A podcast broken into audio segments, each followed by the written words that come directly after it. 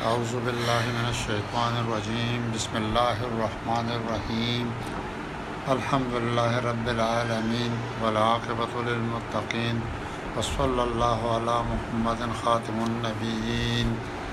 وجميع الأنبياء والمرسلين عن أبي هريرة قال قال رسول الله صلى الله عليه وسلم لا تقبل صلات من احدث حتى يتوضا ابي هريره رضی الله روایت کوي چې رسول الله صلی الله علیه وسلم او فرمایل چې نه قبلېږي مونږ د هغه چانا چې بیا د سشوي ترغه پورې چې دی او دس وکي یعنی چې د چا اودس نی د هغه مونږ نه قبليږي مونږ کول لپاره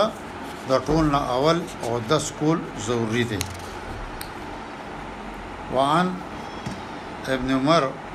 قال قال رسول الله صلى الله عليه وسلم لا تقبل صلاة بغير طهير ولا صدقة من قلول ابن عمر رضی الله تعالی عنہ روایت کوي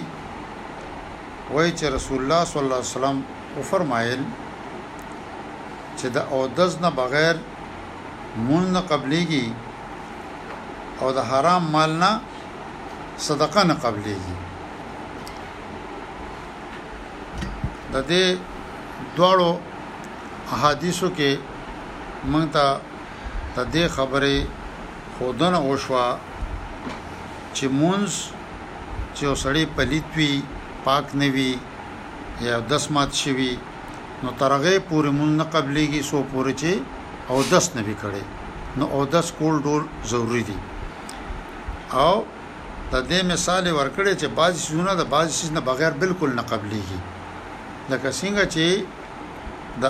اودس نه بغیر مونځ نه قبلیږي دغه شان چې مال پاک نه وي د حرام مال نه هغه نه صدقه نه قبلیږي نو داغه صدقه کولم څه فائدہ نشته دی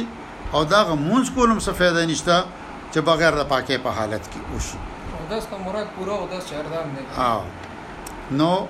د دې مزید تفصیل به ان شاء الله چې پس شي باندې اودس ماتيږي او څنګه به کیږي ان شاء الله دا به را روان دغه کې مونږ وي صدق الله العظیم